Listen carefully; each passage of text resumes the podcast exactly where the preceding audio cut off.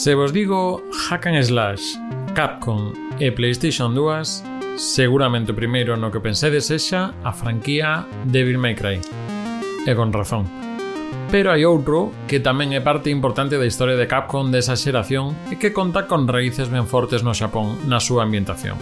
Saúdos de Iago Gordillo, isto é un día un xogo. Hoxe volve Lara, a nosa compañera do Recuncho, a pasarse por aquí por un día un xogo. Boas, Lara. Saúde, Iago. Hoxe veño a contarvos un pouco dun xogo que disfrutei moito xa hai uns cantos anos. Alá a principios dos anos 2000 tiven eu a miña etapa de xogar o hack and slash e Capcom tiña varias franquías importantes neste xénero. Unha delas era a franquía Onimusha. Hoxe vou vos falar do terceiro xogo da franquía, que é o primeiro que eu xoguei, Onimusha Demon Siege.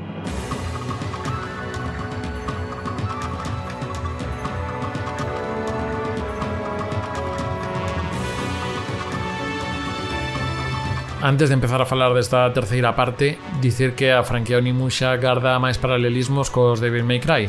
Tamén bebe do Resident Evil como fonte inicial, desta vez a idea sería facer unha especie de Resident Evil 1 coa súa mansión e demais, pero de ninjas. Este proxecto ia inicialmente dirixido para a Nintendo 64 DD, pero o que finalmente resultou, o primeiro Onimusha, o Onimusha Warlords, saiu para PlayStation 2.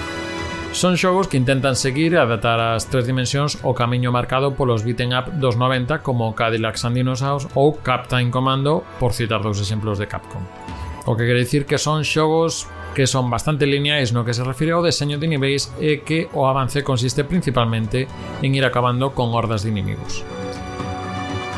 Onde nos sitúa esta terceira parte, Lara?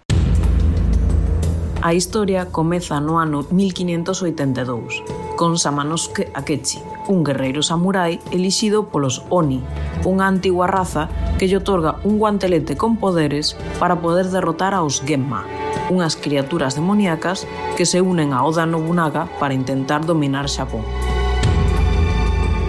O interesante deste xogo comeza cando Samanosuke é enviado ao futuro, ao París da nosa época, que está sendo atacado polos Genma, que viaxaran tamén no tempo. Alí atópase con un policía, John Jacks, que un momento despois de conocerse é enviado ao Xapón da época de Samanosuke, onde tamén se lle conceden poderes Oni para poder loitar contra os Genma no pasado. Así, vamos alternando no xogo diferentes personaxes e diferentes épocas, dándolle unha increíble variedade.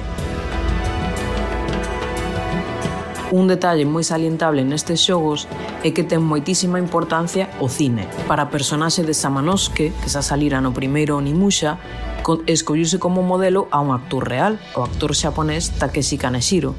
E o mesmo pasou no caso de Jean Jacques, que o que sirve como modelo é o célebre actor francés Jean Reno. Ambos actores non só deron o seu aspecto, senón tamén a captura de movimento e as voces para o xogo. Jean Reno viaxando a Idade Media. Por que será que non me sorprende? Curiosamente, unha das cousas polas que este xogo é moi recordado non é o seu gameplay, senón unha espectacular intro de case 6 minutos que aínda hoxe, casi 20 anos despois, segue sendo impresionante. Con un traballo de varios meses, para os movimentos de combate desta intro recurriuse a captura de movimento e as pelexas foron coreografiadas polo actor e artista marcial Donnie Yen quen dixo que non se podían misturar samurais, león o profesional, viaxes no tempo e acción sen parar.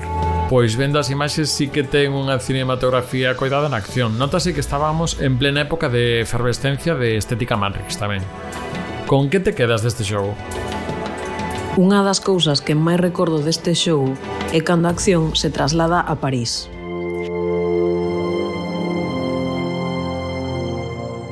É un dos primeiros xogos dos que eu teño recordo nun lugar real e foi moi emocionante poder moverte por lugares moi famosos da cidade.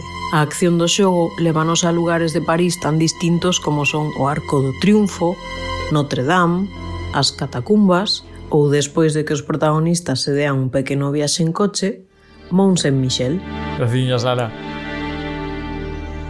A día de hoxe, esta terceira parte quedou na PlayStation 2 e PC sen ningún tipo de revisión pero tedes o primeiro Onimus xa remasterizado para Switch, Steam, PlayStation 4 e Xbox One. Isto é Un Día Un Xogo, o micropodcast de Recuncho Gamer que tes en Youtube, Spotify e máis plataformas. Se che gusta o que facemos, necesitamos a túa axuda. No Patreon podes contribuir a cambio de escoller contido, aparecer nos créditos e máis recompensas. Se estás véndonos no Youtube, tamén axuda que nos deixes un like e que te suscribas. Mañá, outro xogo.